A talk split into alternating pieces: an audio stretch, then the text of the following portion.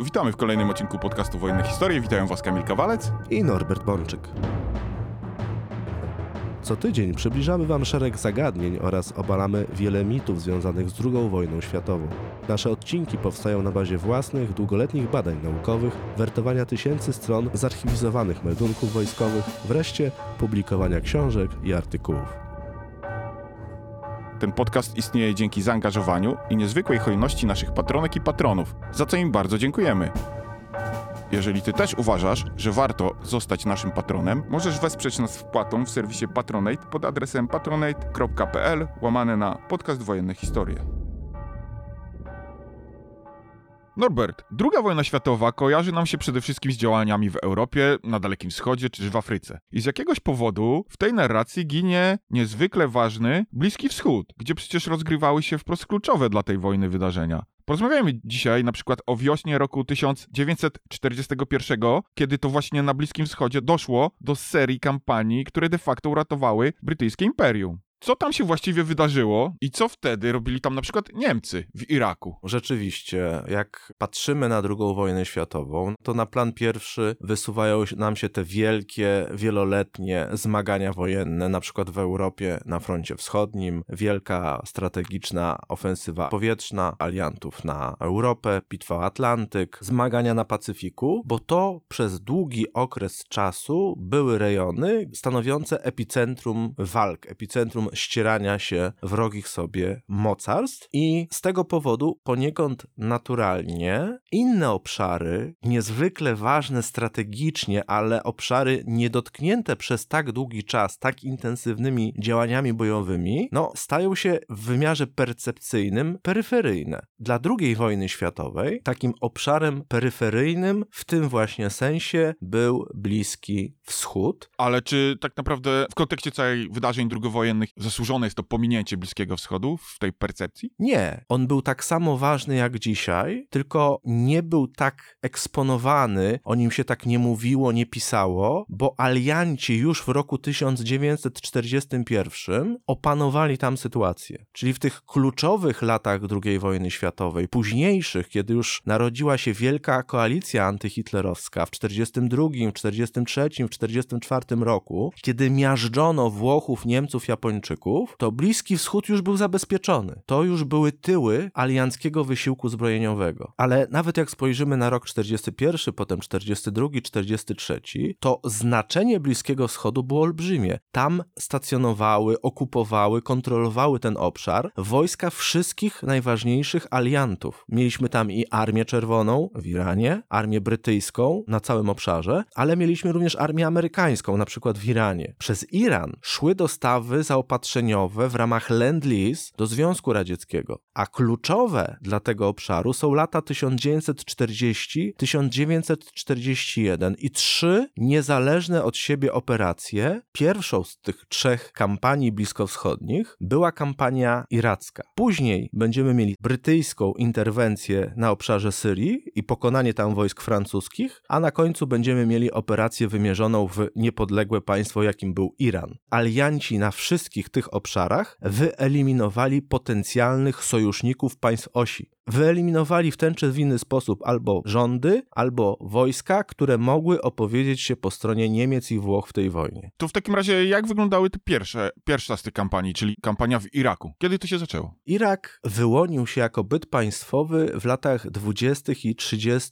XX wieku w wyniku upadku Imperium Osmańskiego. Ta prowincja turecka została w latach 1917-1918 w wyniku działań wojennych I wojny światowej zajęta przez wojska brytyjskie. I Brytyjczycy utrzymywali kontrolę nad tym obszarem, głosząc jednocześnie, że nie przybyli do Iraku jako nowi władcy, tylko przynoszą wolność Arabom. To była taka propaganda pierwszowojenna, antyosmańska, że oto Imperium Brytyjskie niesie wolność ludom arabskim spod jarzma osmańskiego. I rzeczywiście już w roku 1921, zaraz po wojnie, z brytyjskiego nadania utworzono Irak jako monarchię konstytucyjną. Jeden z królów arabskich miał władać królestwem Iraku, to miał być monarcha z dynastii haszymickiej i rzeczywiście już w latach dwudziestych zaczęto budować najpierw autonomię iracką, a oficjalnie w roku 1932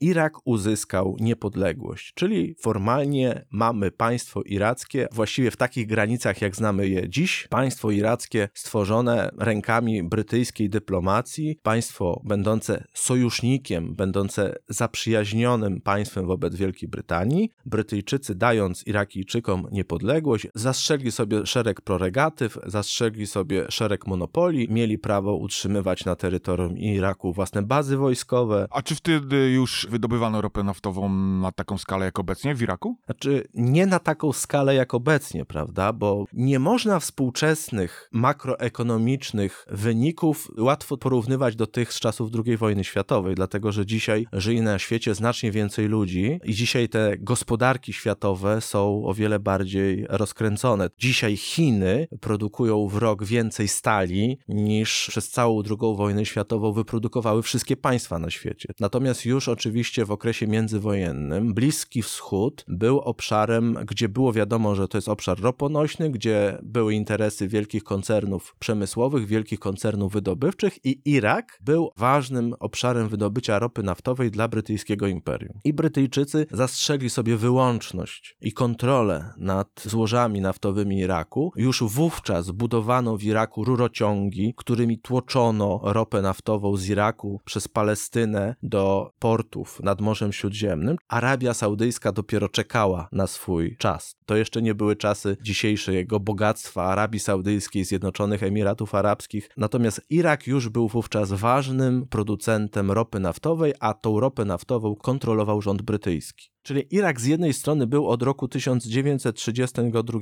formalnie państwem niepodległym, ale nie był państwem niepodległym w pełni. Był pod kontrolą gospodarczo-wojskową Wielkiej Brytanii. Takie państwa jak Irak czy Iran, one mają niezwykle ważną pozycję także jako obszar komunikacyjny. To są strategicznie położone państwa. W związku z czym no nie tylko ropa odgrywała tu rolę niezwykle ważną. A jak tą pewną zależność od Wielkiej Brytanii traktowano w Iraku? Czy to było akceptowane przez wszystkich? Czy istniały tam ruchy, które dążyły do tego, żeby całkowicie uniezależnić się od jakiegokolwiek mocarstwa światowego? Tak, oczywiście. Ta zależność od Wielkiej Brytanii bardzo denerwowała arabskich nacjonalistów. No bo skoro Brytyjczycy obiecywali im wolność od jarzma osmańskiego, a tak naprawdę w Palestynie, w Jordanii, w Syrii, w Iraku, Turków zastąpili Francuzi i Brytyjczycy. Powstawały oczywiście zręby autonomii albo niepodległości, jak w Iraku, natomiast istniał wówczas już tak zwany panarabizm, który głosił, że Arabowie powinni sami o sobie stanowić, a najlepiej, żeby wszyscy Arabowie zjednoczyli się w takim super państwie arabskim, że odrzucić należy kolonializm, podziały, mandaty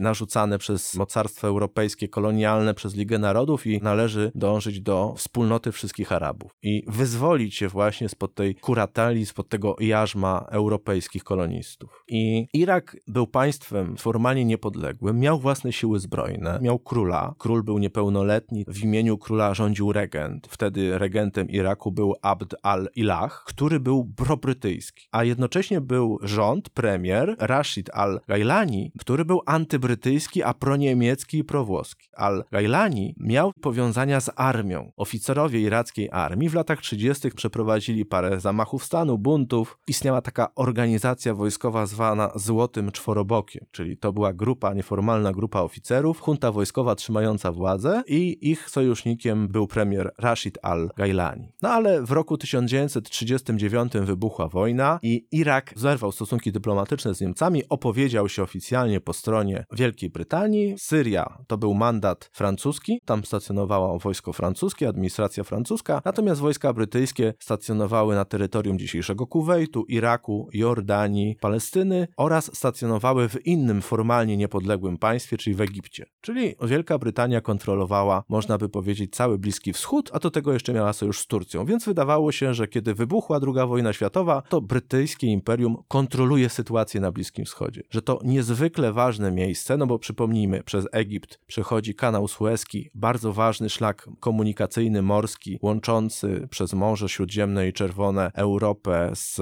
Indiami i mamy właśnie ważny szlak komunikacyjny również przez Irak i Turcję, Grecję do Europy. To kiedy nastąpiła zmiana na Bliskim Wschodzie? Kiedy Anglicy przestali się czuć tam bezpiecznie, że tak powiem? Wszystko zaczęło się psuć po klęsce Francji wiosną 1940 roku, bo po pierwsze, najpierw Turcja, o tym mieliśmy już odcinek, powiedziała, że nie wywiąże się z zobowiązań sojuszniczych. Potem 10 czerwca 1940 roku wojnę Wielkiej Brytanii wypowiedziały Włochy, które przypomnijmy były najsilniejszym państwem w obszarze Morza Śródziemnego i miały swoje bazy wojskowe także na Dedokanezie z wyspą Rodos jako największą wyspą tego archipelagu u wybrzeży tureckich i greckich, a potem Francja wyszła z obozu alianckiego i od czerwca 40 roku istniało ryzyko inwazji włoskiej z Libii na Egipt. Jednocześnie w tym samym czasie nie była pewna postawa władz francuskich w Syrii. W Iranie rządził monarcha proniemiecki i jednocześnie w Iraku tamtejszy rząd był wyraźnie w opozycji do regenta, czyli Brytyjczycy nie byli pewni ani rządu cywilnego, ani armii, którą sami zresztą szkolili. W związku z czym, mimo że armia iracka była sojusznikiem brytyjskim, to realnie tak nie było. I Włosi wypowiedzieli wojnę Wielkiej Brytanii w czerwcu 40 roku i rząd Iraku nie zerwał relacji z Włochami, czyli nie zrobił dokładnie tego samego, co zrobił we wrześniu 39 roku względem Niemiec. I to były dla Anglików no, już takie pierwsze symptomy nadchodzących kłopotów, ale byli zajęci na innych frontach, więc na razie był spokój. Póki rządził formalnie regent Iraku Abd al-Ilah,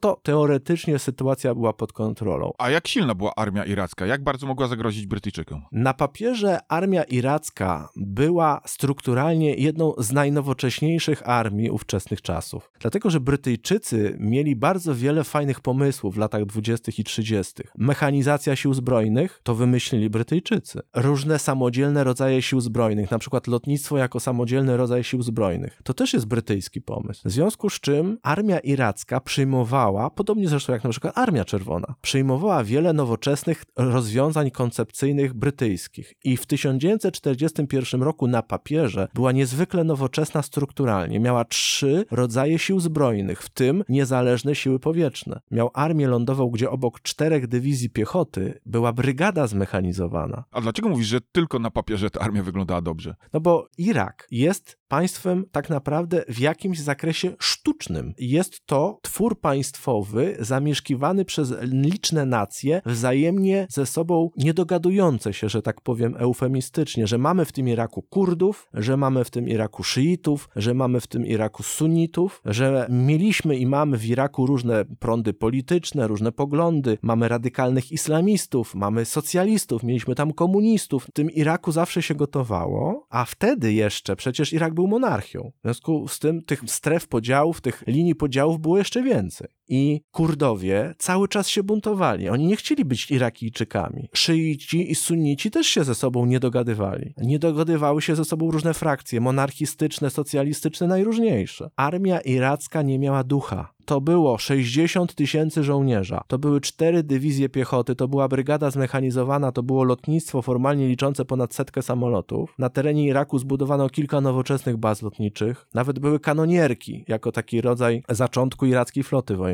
Ale Irakijczycy byli nie tyle co słabymi żołnierzami, co nie mieli motywacji do walki i to powodowało, że oficerowie Złotego Czworoboku myśleli, że mają wielką, silną armię, że mogą wyswobodzić się dzięki tej armii z brytyjskiej dominacji, a w rzeczywistości mieli masy ludzi, które w żaden sposób nie były zdeterminowane do tego, by walczyć za kraj, który nazywał się Królestwo Iraku. I na tym się oficerowie iraccy i na tym się premier Rashid al-Gailani straszliwie przejechali wiosną roku 1941, kiedy wreszcie przybyli do nich Niemcy, skąd się wzięli o tym za chwilę, ale Niemcy przybyli do nich, a potem, kiedy kampania iracka zakończyła się klęską, to jeden z niemieckich oficerów sporządził raport, że nasze przybycie do Iraku nie miało żadnego znaczenia, bo sami Irakijczycy nie chcieli się bić za Irak. No właśnie, w takim razie, skąd się wzięli ci Niemcy? Właśnie, skąd się wzięli Niemcy? Otóż Brytyjczycy cały czas byli obecni wojskowo w Iraku od roku 1917.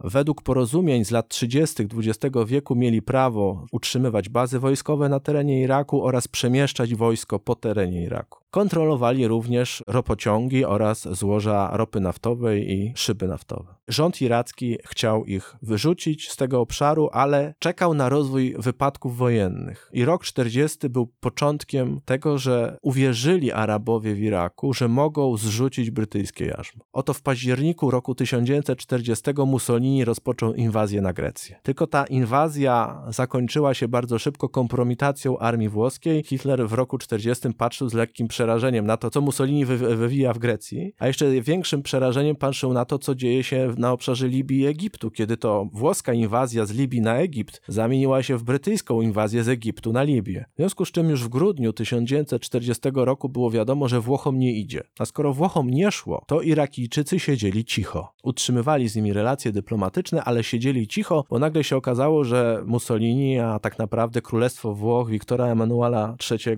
nie jest w stanie skutecznie bić się z osłabioną Wielką Brytanią. Więc czekali na swój czas. I można by powiedzieć, że w pewnym momencie jednak okazali niecierpliwość i to ich zgubiło. Otóż rząd Iraku, a właściwie nie tyle co rząd, co grupa spiskowców, bo w międzyczasie Rashid al-Gailani stracił stanowisko premiera, knuła spisek. I 31 marca 1941 roku lawina ruszyła. Regent iracki Abd al-Illah dowiedział się, że Złoty Czworobok szykuje spisek i zbiegł z pałacu, a 1 kwietnia formalnie dokonał się w Iraku przewrót i grupa pod przywództwem Rashida al-Gailaniego przejęła władzę nad państwem. Jakie kroki wykonali Brytyjczycy, bo na pewno musiało to ich bardzo zaniepokoić? Tak, to Brytyjczyków bardzo zaniepokoiło i odpowiedź brytyjska była z punktu widzenia sztuki wojennej, z punktu widzenia geopolityki, z punktu widzenia operacji połączonych po prostu fantastyczna. I to, co wydarzyło się na Bliskim Wschodzie wiosną, a potem latem 1941 roku, jest z punktu widzenia historii wojskowości modelowym, podręcznikowym przykładem, że nie tylko szczęście sprzyja lepszym, ale że los nagradza pomysłowość, nagradza szybkie działanie, zdecydowanie. Bo Brytyjczycy podbili Irak siłami parokrotnie słabszymi niż mieli obrońcy. Tak naprawdę Bagdad padł pod ciosem dwóch tysięcy żołnierzy brytyjskich, a Irakijczycy nie potrafili obronić Bagdadu, mając 20 tysięcy żołnierzy własnych. I kampania iracka to jest z jednej strony historia o tym, że szybkie siły manewrowe, o dużej przewadze informacyjnej, o dużej przewadze nawet nie w sile ognia, ale w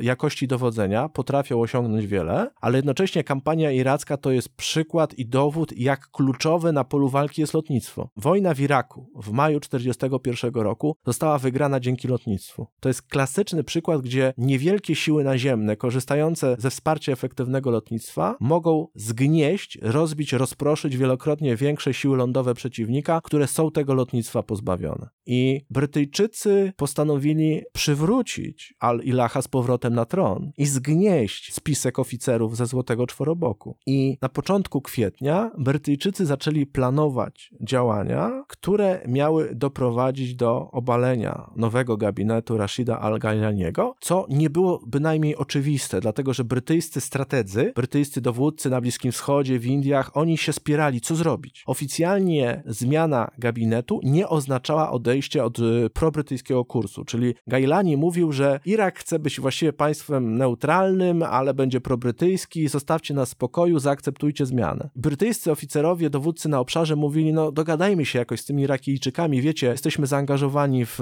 Grecji, walczymy w Libii, niepewna jest postawa Japończyków, nie twórzmy dodatkowego ogniska zapalnego. Ale Churchill chciał inaczej, to nie było w jego stylu. Churchill potraktował Irakijczyków tak jak w roku 40 Francuzów. Albo jesteś z nami, albo jesteś przeciwko nam. I Churchill nakazał rozpoczęcie przygotowań do operacji mającej na celu przywrócenie, jak to on nazywał, porządku. I to z punktu widzenia historyka wojskowości, znowu to będę powtarzał, to fenomenalne i niezwykłe. Na jakim obszarze toczyła się ta operacja? To jest dokładnie tak jak dzisiaj, kiedy śledzimy na przykład operację inwazji amerykańskiej na Irak w 2003 roku, gdzie projekt projekcja siły ma charakter globalny, gdzie na przykład bazą dla bombowców strategicznych jest baza Diego Garcia gdzieś na bezkresie Oceanu Indyjskiego, gdzie amerykańskie bazy w Niemczech, w różnych częściach świata służyły jako punkt wyjścia do operacji przeciwko Irakowi. I tak samo było w roku 41. Znaczy, Brytyjczycy tak samo zaatakowali Irak wtedy, w 41 roku, bo bazami wyjściowymi były Grecja, Cypr, Egipt, Jordania, Indie. I pierwsze, co zrobili Brytyjczycy, to zaczęli wzmacniać swoje bazy wojskowe na terenie Iraku mostami powietrznymi. Tutaj kluczowe było przerzucenie drogą powietrzną z Indii batalionu piechoty The First Battalion King's Own Royal do bazy lotniczej koło Basry. I to był 17 kwietnia 1941 roku, kiedy Brytyjczycy rozpoczęli już praktyczną realizację rozkazu Churchilla o wzmocnieniu sił własnych i byciu gotowym do interwencji. Jednocześnie na obszarze Indii sformowali grupę interwencyjną na bazie indyjskiej 10 Dywizji Piechoty i w pierwszej kolejności stworzyli konwój uderzeniowy. W skład zespołu wchodził lotniskowiec, krążowniki, wysłali jedną brygadę, 20 Brygadę Piechoty, trzy bataliony piechoty tej 10 Dywizji Piechoty drogą morską z Indii przez Zatokę Perską do Basry. Rozpoczęło się wzmacnianie potencjału. Norbert, ale co z tymi Niemcami? Dalej nie wiem, jak oni się tam znaleźli. Musisz mi, Kamilu, dać jeszcze parę minut, dlatego że zanim ci Niemcy pojawią się wreszcie na, tym, na polu walki, to musimy jeszcze wyjaśnić naszym słuchaczom szerszy kontekst, bo tak, to można się zdziwić, jakim cudem brytyjska kolumna zmechanizowana, idąca na Faludże, nagle została zaatakowana przez klucz myśliwców BF-110 z niemieckimi załogami na pokładzie, jak najbardziej w barwach lotnictwa Iraku. 15 maja 1941 roku. I jak to się stało, że brytyjskie bombowce Blenheim albo brytyjskie bombowce Wellington polowały na niemieckie bombowce Heinkel H-111 stojące na lotnisku w Mosulu, ale po kolei. 17 kwietnia 1945 roku na wieść o tym, że Brytyjczycy wzmacniają swój garnizon w rejonie Basry, premier Iraku zwrócił się za pośrednictwem Włochów o pomoc i interwencję wojskową do Niemiec. 18 kwietnia indyjska 20 Brygada Piechoty siłami trzech batalionów zaczęła wyładowywać się w porcie Basra pod osłoną lotniskowca i paru krążowników. Później przybędzie jeszcze 21 Brygada, ostatecznie prawie całą dywizję przerzucą do Iraku. I spójrzmy, co się w tym czasie dzieje w Europie. Otóż Hitler, który przyglądał się wydarzeniom w basenie Morza Śródziemnego z coraz większym niepokojem, podjął decyzję, że pomoże Włochom i że zaatakuje Grecję plan Marita. 6 kwietnia 1941 roku miała rozpocząć się inwazja na Grecję, a Bałkany miały być zwasalizowane metodą polityczną, czyli Jugosławia, Węgry, Rumunia, Bułgaria. To miały być państwa, które wejdą po prostu w skład osi. I wiosną 1941 roku Hitler stopniowo ten plan realizował. Niespodziewanie nastąpił przewrót wojskowy w Jugosławii, inspirowany zresztą przez Brytyjczyków. Właśnie wtedy, kiedy przedstawiciele premiera Al-Gailianiego prosili o pomoc i interwencję wojskową niemiecką w Iraku, Niemcy zgnietli Jugosławię i gnietli już Grecję. Pod koniec kwietnia 1941 roku niemieckie czołgi wjechały do Aten. Czyli wydawało się, że Hitler prze na Bliski Wschód. Następowała poprawa relacji niemiecko-tureckich. Padła Jugosławia, padła Grecja. W tym samym czasie wybuch tak naprawdę proniemiecki i antybrytyjski pucz w Iraku. W Syrii stacjonowały wojska wierne rządowi Vichy. Brytyjczykom zaczęły się chwiać podstawy. Mogli stracić Bliski Wschód. I wtedy Brytyjczyków w jakimś zakresie uratowało połączenie spokoju z bezwzględnością dlatego że skalkulowali, co jest ważne, a co jest ważniejsze. I już w kwietniu 1941 roku Churchill powiedział: Dobra, nie utrzymamy tej Grecji. Trudno, Irak jest ważniejszy. Utrzymanie Bliskiego Wschodu ma charakter strategiczny. Egipt i Bliski Wschód to są spoiwa naszego imperium. Musimy utrzymać wolną drogę do Indii, w związku z czym Irak jest bliższy naszemu sercu niż ci biedni Grecy. Ale czy faktycznie Hitler parł na ten Bliski Wschód, czy to tylko tak wyszło, że był po prostu zmuszony do działania w tamtym kierunku wypadkami, które zaszły, które trochę spowodował Mussolini. Dokładnie to drugie, Kamilu. To znaczy, Hitler był już tak zafiksowany na wojnie ze Stalinem, nadchodzącej wojnie ze Stalinem, że przegapił okazję, ktoś powie przegapił okazję, ktoś powie nie miał środków, by oddziaływać na ten obszar, zbyt odległy. Ale Hitler był już myślami gdzie indziej, on ten Bliski Wschód zlekceważył. On wiedział, że Arabowie są zasadniczo antybrytyjscy. Dla niego Arabowie byli sojusznikami, oni byli również w pewnym wymiarze انت سميت Hitler lekceważył kierunek iracki. On dużo mówił o gospodarce, o potrzebie posiadania ropy, no ale musiał wybrać albo Rosja, albo Bliski Wschód. I on już dawno, dawno temu wybrał Rosję. I było wiadomo, że ten Bliski Wschód, on się tam angażuje tylko z konieczności, żeby pomóc Mussoliniemu, żeby zaszkodzić Anglikom. No i właśnie kampania iracka Wehrmachtu jest tego najlepszym przykładem. Otóż 17 kwietnia Irakijczycy poprosili ich o pomoc. Brytyjskie wojska zaczęły być przerzucane do Iraku, a Niemcy do końca kwietnia zgnietli Brytyjczyków i, i Greków na kontynencie, ale została jeszcze Kreta. I na początku maja 1941 roku zaczęły do Londynu przychodzić z ultry, z rozszyfrowane częściowo raporty z Enigmy, że następuje koncentracja niemieckiego korpusu powietrzno-desantowego w Grecji. W Londynie autentycznie bano się tego, że żołnierze generała Kurta Studenta, dowódcy niemieckich wojsk powietrzno-desantowych, nie będą lądować na Krecie, chociaż tak mówiła Enigma, tylko że będą lądować w Syrii i w Iraku i wspomagać pucz bliskowschodni, a jeżeli upadłby Irak, to Turcja mogła przejść na stronę Niemiec i posypałoby się wszystko. Iran był proniemiecki.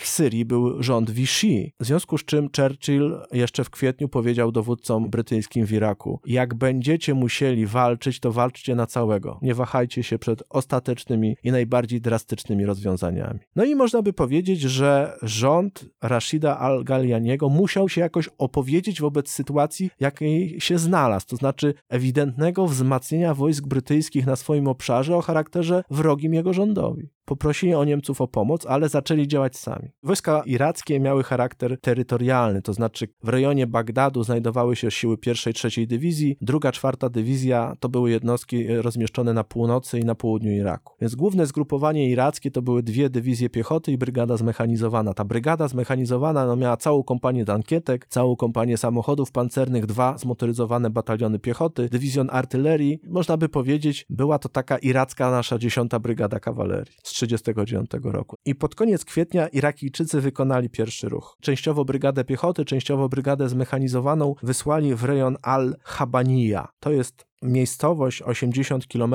na zachód od Bagdadu i to jest kluczowy punkt kampanii, dlatego że w Al-Habaniya była brytyjska baza wojskowa najbliżej Bagdadu i Irakijczycy postanowili okrążyć bazę Al-Habaniya i zakazać lotów samolotów brytyjskich z tej bazy. Stanęli na płaskowyżu górującym nad bazą i rozstawili swoje haubice, armaty, okopali piechotę i powiedzieli, że jeżeli będziecie używać tej bazy, jeżeli nie zamkniecie się w tych koszarach i nie będziecie siedzieć cicho, wy Brytyjczycy, to my na was uderzymy. No tylko, że z jednej strony była liczna armia iracka, która nie miała woli walki, mimo że miała czołgi, właśnie tankietki, samochody pancerne, broń artyleryjską, maszynową. Z drugiej strony były niewielkie, ale bardzo silnie zmotywowane oddziały brytyjskie. A jak Brytyjczycy zareagowali na te działania Irakijczyków? Brytyjczycy się specjalnie tymi pogróżkami nie przejęli, dlatego że postanowili się bronić i postanowili przede wszystkim wykorzystać swoje lotnictwo. Cały czas na teren Iraku trwał przerzut do dodatkowych jednostek powietrznych, przede wszystkim jednostek na Hurricane'ach, na bombowcach Blenheim, na bombowcach Wellington, bo tutaj tytułem wyjaśnienia, podstawowym typem brytyjskiego myśliwca w kampanii irackiej był stary dwupłatowy Gloster Gladiator. Dlatego, że na terenie Afryki czy Bliskiego Wschodu w jednostkach liniowych brytyjskich było wyposażenie drugiej lub trzeciej linii. To, co już nie miało prawo latać nad Wielką Brytanią, walczyć z Luftwaffe gdzieś nad Wielką Brytanią, było normalnym, podstawowym sprzętem brytyjskim cały czas w Afryce czy na Bliskim Wschodzie ale mm, przypomnijmy, Gloster Gladiator to był myśliwiec produkowany pod koniec lat 30. W związku z czym Brytyjczycy przerzucili dodatkowe oddziały lotnictwa w rejon Basry, a drogą powietrzną z Basry zaczęli wzmacniać garnizon al-Habbaniya dodatkowymi kompaniami piechoty. I Irakijczycy myśleli, że efekt zastraszenia zadziała, ale nie mieli odwagi zaatakować ich pierwsi. Brytyjczycy uderzyli szybciej. 1 maja 1941 roku na pograniczu iracko-jordańskim zaczęły się pierwsze walki, a 2 maja maja 1941 roku nistego nizowego na siły przeciwnika, które miały co najmniej dziesięciokrotną przewagę w rejonie Al-Habaniya uderzyły brytyjskie lotnictwo. Dla Irakijczyków to był szok. Oni mieli rozkaz zablokować bazę, a wielokrotnie słabszy garnizon bazy, dlatego że z początku to było tysiąc żołnierzy na terenie bazy, potem dwa tysiące wraz z posiłkami przerzuconymi drogą powietrzną, dwa tysiące żołnierzy brytyjskich, prawie pozbawionych broni ciężkiej na lądzie, za to korzystających ze wsparcia lotnictwa, poraziło w kilka dni całą brygadę zmechanizowaną przeciwnika i brygadę piechoty stojącą pod bazą. W wyniku ataków powietrznych, a potem ataków szarpanych siłami kompanii piechoty i kompanii samochodów pancernych do 6 maja Irakijczycy po prostu uciekli. Między 2 a 6 maja Royal Air Force z obszaru Transjordanii, Palestyny, ale przede wszystkim rejonu Basry wykonywała uderzenia powietrzne w pierwszej kolejności celem zniszczenia irackiego lotnictwa na ziemi, a w drugiej kolejności wsparcia dla oblężonych w bazie Al-Habaniya i z tejże bazy startowały brytyjskie samoloty najróżniejszych typów, szkolne, bojowe, łącznikowe, używane jako samoloty wsparcia pola walki. I między 2 a 6 maja wyprawa iracka na bazę Al-Habaniya zakończyła się kompletną klęską i ucieczką żołnierzy. Brytyjczycy zdobyli kilkanaście armat, trochę czołgów, samochodów pancernych. Wróg uciekł. Więc było wiadomo, że armia iracka, mocna na papierze, nie jest żadnym przeciwnikiem dla zdeterminowanych batalionów brytyjskich. Al-Habaniya nie została zdobyta. Rząd iracki był w coraz bardziej krytycznym położeniu. A pomoc niemiecka nie nadchodziła. Brytyjczycy nie zamierzali czekać. Na terenie Palestyny w tamtym czasie stacjonowała bardzo nietypowa brytyjska dywizja. Jedyna taka dywizja British Army w II wojnie światowej, pierwsza dywizja kawalerii. I ona się składała z 5, 6 i 4 brygady kawalerii. Brytyjczycy też mieli swoją kawalerię w II wojnie światowej, oczywiście w pełni zmechanizowaną. No i ta pierwsza dywizja wyruszyła do Iraku siłami 4 brygady kawalerii, bo tyle się dało zmontować po prostu z tych sił, które były na miejscu. To były siły kombinowane. Tam było kilka batalionów piechoty, parę kompanii artylerii, saperów, łączności, no taka zbieranina. To, co było pod ręką, to pojechało się bić. I Brytyjczycy zaczęli przejmować inicjatywę. 11 maja z Haify, czyli to są tereny dzisiejszego Izraela, wyruszyły siły przednie generała Johna Clarka, dlatego że baza Walhabania była w oblężeniu. To wojska idące jej z odsieczą z dzisiejszego Izraela przez dzisiejszą Jordanię nazwano Hub Force od tego właśnie Al-Habania. I te Hub Force generała Johna Clarka dzieliły się na Hub Force siły główne i na King Call wydzielone siły przednie. I 11 maja 1941 roku ruszyła z Haify pomoc, odsiecz dla już nieoblężonej bynajmniej bazy Al-Habania. Ona obroniła się sama dzięki wsparciu lotnictwa z Basry i własnych samolotów. I 17 maja 1941 roku one już ześrodkowały się w Al-Habania, dotarły do bazy, a potem ruszyły z własną ofensywą, zaatakowały armię iracką, która broniła się na linii rzeki Eufrat w oparciu o miasto Falludże. Bo tak w uproszczeniu, żeby z Al-Habania dojechać do Bagdadu,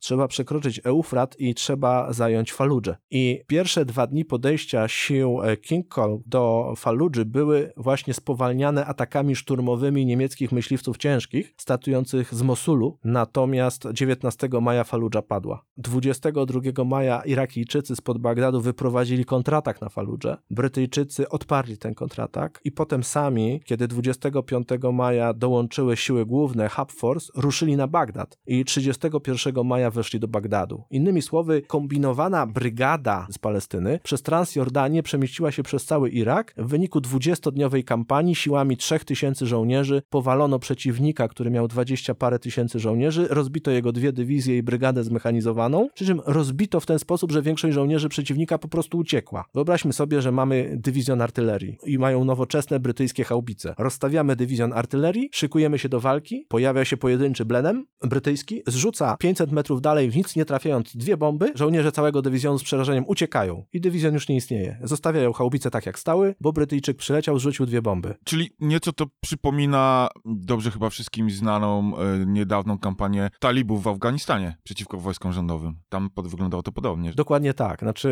armia iracka premiera Al-Galianiego rozpadła się w 1941 roku, tak jak afgańska armia rządowa rozpadła się w 2021 roku. Tak naprawdę siły generała Clarka, one pokonały silniejszego od siebie dziesięciokrotnie przeciwnika, a zrobiły to dopiero po 20 dniach, a nie na przykład po 10, bo w Iraku pojawił się jeszcze Wehrmacht. No właśnie, czyli w końcu są ci Niemcy, o których pytałem od samego początku. Jak to się stało, że się tam znaleźli? Tak, no wreszcie możemy przejść do tych tytułowych Niemców, prawda? Od razu powiedzmy jedno. Wehrmacht w, w kampanii irackiej miał trzech zabitych, co pokazuje skalę zaangażowania Wehrmachtu tak naprawdę w tą kampanię. Oto bowiem na początku maja 1941 roku minister spraw zagranicznych Ribbentrop wreszcie zaczął przekonywać Hitlera i Geringa, żeby coś zrobić z Bliskim Wschodem. Ribbentrop nienawidził Brytyjczyków. Przy Ribbentropie Hitler był anglikofilem. Ribbentrop widział, że chwieje się dominacja brytyjska na Bliskim Wschodzie. Prosił Hitlera, żeby przekierować uwagę tam, bo Ribbentrop nie chciał wojny ze Stalinem. Uważał to za strategiczną porażkę, za strategiczny błąd. Chciał przekonać Hitlera, wodzu, zobacz, tam się kotłuje, właśnie zgnietliśmy ich w Grecji, Turcja staje się nam przychylna, uderzmy mocniej, powalimy Brytyjczyków atakiem na Bliski Wschód. Hitler powiedział, wojna z Rosją jest najważniejsza. Wyślemy im jakieś wsparcie, ale dla nas najważniejsza jest Rosja, a musimy postępować etapowo. Na Bałkanach kończymy kampanię inwazją na Kretę. I na początku maja 1941 roku, kiedy Wellingtony i Blenemy zrzucały bomby na Irakijczyków oblegających Anglików w Al-Habanii, to na lotniskach Grecji zaczęła się gromadzić armada Luftwaffe. Setki samolotów transportowych, dziesiątki tysięcy żołnierzy szykowanych do inwazji. Ale ta potężna armada nie szła do Iraku. Ona się szykowała na Kretę. Churchill czekał, gdzie wylądują niemieccy spadochroniarze. Jak na Krecie, to dobrze. Jak w Iraku, to źle. Dlatego mówił, zgniećcie tych Irakijczyków jak najszybciej. Zobaczcie, Hitler w Grecji gromadzi wojska, a wiadomo, gdzie one pójdą? Nie dajmy Hitlerowi szansy wleść na Bliski Wschód przez Irak. I 10,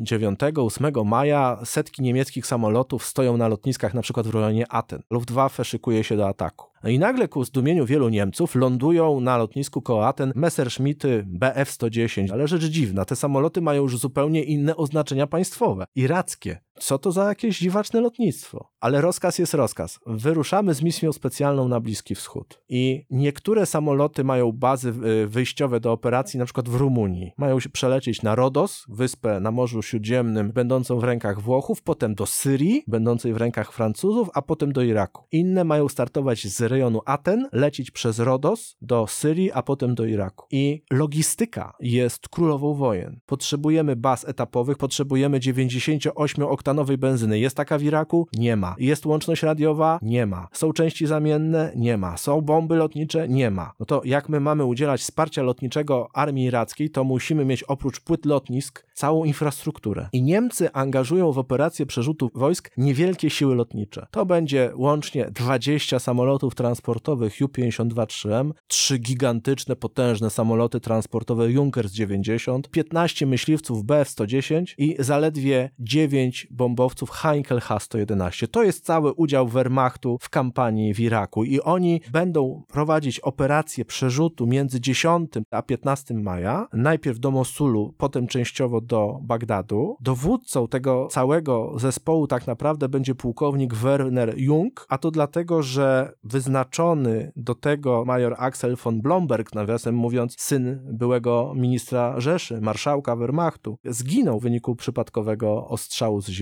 I ta misja od początku nie ma szczęścia. Na przykład specjalny system łączności. Samolot wiozący wielką radiostację dużej mocy rozbija się jeszcze na terenie Europy, uderza o górę. Przeładowane bombami, częściami zamiennymi, bombowce Heinkel H-111 odpadają po drodze, bo podwozia nie wytrzymują na lotniskach w czasie startu, są przeciążone te samoloty, łamią się golenie. W związku z czym na przykład na terenie Damaszku, na terenie Palmyry, tam niektóre z nich doznają awarii. Brytyjczycy widzą przerzut lotnictwa niemieckiego przez Syrię. Mało tego, rząd Vichy opowiada się po stronie irackiej rebelii. Francuzi w Syrii udostępniają lotniska dla Luftwaffe i lotnictwa włoskiego w czasie przerzutu sił do Iraku. Już od 14 maja Brytyjczycy nie tylko walczą z Irakijczykami. Niemieckie bombowce Heinkel lecące do Iraku z międzylądowaniem w Syrii są atakowane na syryjskich lotniskach przez brytyjskie samoloty bombowe i szturmowe, startujące z obszaru Palestyny czy Transjordanii. To już jest taka wojna w wymiarze wielkiej strategii, gdzie decyduje logistyka i głębia obszaru operacyjnego. Niemcy są za daleko, żeby móc pomóc Irakijczykom, ale przede wszystkim robią to śmiesznymi siłami. Jedna eskadra Heinkli, jedna eskadra Bf-110 i ekwiwalent dwóch eskadr samolotów transportowych. To jest wszystko, co Luftwaffe kieruje do Iraku. I to nie jednocześnie, bo na przykład jednocześnie poleciało tylko 12 Bf-110, trzy poleciały potem potem jako uzupełnienie. Niemcy nie mają nigdy w gotowości bojowej więcej jak 10 samolotów uderzeniowych naraz. Pod Faludżą, pod Bagdadem, startując z lotnisk w północnym Iraku, kilka niemieckich samolotów przez kilka dni oddziałuje na kolumny przeciwnika, na kolumny brytyjskie podchodzące pod Bagdad. W tym samym czasie również obie strony czasem atakują swoje lotniska. Trwa walka powietrzna, ale to są walki pojedynczych eskadr. I Niemcy, ich lotnisko bazowe w Mosulu jest atakowane przez brytyjskie lotnictwo. W związku z czym część maszyn tracą na ziemi, część od ognia z ziemi, ale co co ciekawe, dochodzi nad Irakiem do serii pojedynków powietrznych pomiędzy ciężkimi myśliwcami Bf-110 a brytyjskimi myśliwcami Gloucester Gladiator. I nie jest to dla Messerschmittów walka zwycięska. Większość tych pojedynków wygrywają brytyjscy piloci i Brytyjczycy szybko eliminują większość Luftwaffe. 20 maja 1941 roku rozpoczyna się operacja Merkury, wielki desant spadochronowy na Kretę i Churchill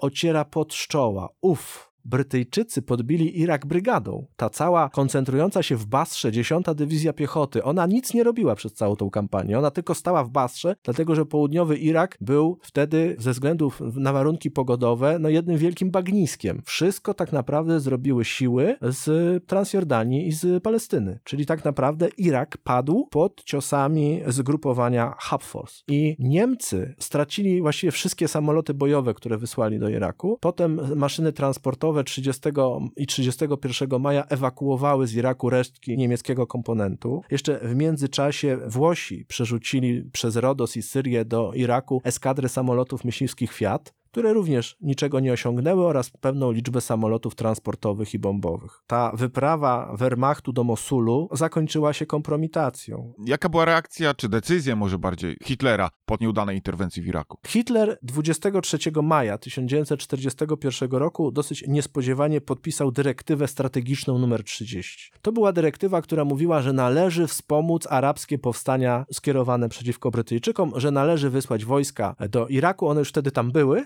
bo to jest 23 maja, one już wtedy walczyły. Hitler podpisał dyrektywę numer 30 strategiczną, ale ona była wewnętrznie niespójna. On napisał tam wprost: Wyślemy wojska do Iraku, ale to będzie bardzo niewielki kontyngent. Jednocześnie powiedział: Będziemy wspierać powstania arabskie wymierzone w Wielką Brytanię, ale zajmiemy się tym tematem dopiero po tym, jak skończymy operację Barbarossa. Czyli mimo, że wydał dyrektywę strategiczną o wspieraniu Arabów, to tak naprawdę powiedział, że jak podbijemy Związek Radziecki, to pomyślimy o Bliskim Wschodzie. Czyli była to dyrektywa strategiczna o wartości papieru, na którym powstała. I rzeczywiście, 15 myśliwców, 20 samolotów transportowych, 9 bombowców. To było wsparcie Adolfa Hitlera dla puczu premiera Al-Galianiego w Iraku. No i jak się domyślasz, Kamilu, takie wsparcie nie mogło przynieść żadnego efektu. Do końca maja 1941 roku pucz upadł, regent Abd al-Ilah powrócił na swoje stanowisko, Irak oficjalnie znowu stał się państwem proalianckim, ale tak naprawdę był okupowany przez wojska brytyjskie i to był początek serii zdarzeń, które potem przyniosą, zaraz potem przyniosą kampanię aliancką, brytyjską wymierzoną w wojska francuskie w Syrii. Potem będziemy mieli operację w Iranie, gdzie Brytyjczycy ramię w ramię z Armią Czerwoną będą zajmować Iran. A jeszcze w maju 1941 roku Związek Radziecki uznał rząd Al-Galianiego w Iraku, żeby pokazać Hitlerowi po wpadce z Jugosławią, że jest jego wiernym, może nie sojusznikiem, ale stronnikiem. W związku z czym, jak to się zmieniało, jak decyzja Hitlera o rozpoczęciu wojny ze Związkiem Radzieckim w wymiarze strategicznym zmieniła w II wojnie światowej absolutnie wszystko. To jest punkt kulminacyjny, punkt kluczowy dla całej historii II wojny światowej. 22 czerwca 1941 roku, jak to powiedział Adolf Hitler, świat wstrzymał oddech. Rzeczywiście. A potem Winston Churchill wypuścił powietrze, zapalił cygaro, napił się whisky, powiedział: Chyba wygramy tę wojnę. Mieliśmy nóż na gardle, ale Niemcy sami nam go zdjęli. Mogli nam zrobić wielkie kuku na całym Bliskim Wschodzie, po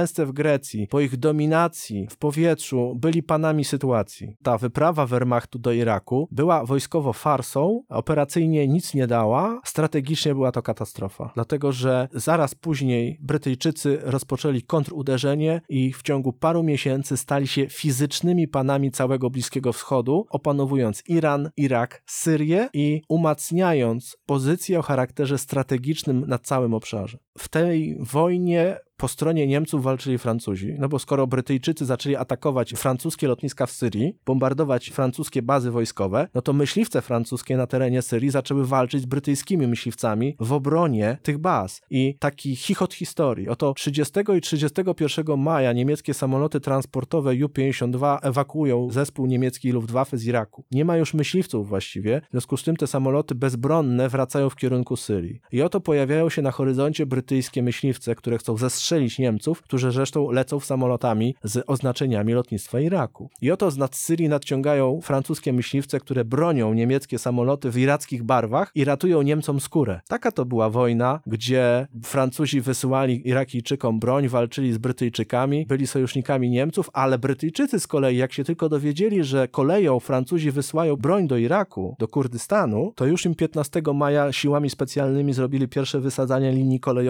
na linii Aleppo-Mosul. Więc Wehrmacht w Iraku w 1941 roku tylko zamanifestował swoją obecność. Korzystał z francuskich baz lotniczych na terenie Syrii, korzystał z baz lotniczych lotnictwa irackiego w północnym Iraku. Niemcy walczyli w powietrzu i dokonywali ataków naziemnych w środkowym Iraku, ale to wszystko odbyło się między 15 a 30 maja. To były dwa tygodnie, to był epizod, ale strategicznie to wszystko jest bardzo ważne. To jest zapomniana kampania, która uratowała brytyjskie imperium, bo gdyby Irak trwale przeszedł na stronę osi, gdyby Iran opowiedział się trwale po stronie osi, gdyby Niemcy przerzucili wojska do Syrii i rząd Vichy nie upadłby w tym obszarze, to nie Rommel zdobywałby kanał Suezki i Egipt od y, zachodu, tylko wojska wrogie Brytyjczykom mogłyby nadejść z północnego wschodu, przez Palestynę, Transjordanię do Egiptu. Turcja mogłaby przejść na stronę osi, a nasi żołnierze, żołnierze od Andersa, nigdy nie zyskaliby szansy ewakuacji ze Związku Radzieckiego przez Irak, bo Irak byłby dla nas państwem wrogim. Norbert, dziękuję Ci za tą fascynującą historię. Jak chyba wszystkie historie, które dotyczą Bliskiego Wschodu, jest ona niezwykle zagmatwana, ale przez to niezwykle ciekawa i pokazuje, że chyba nic, co tam się dzieje, nigdy nie jest proste.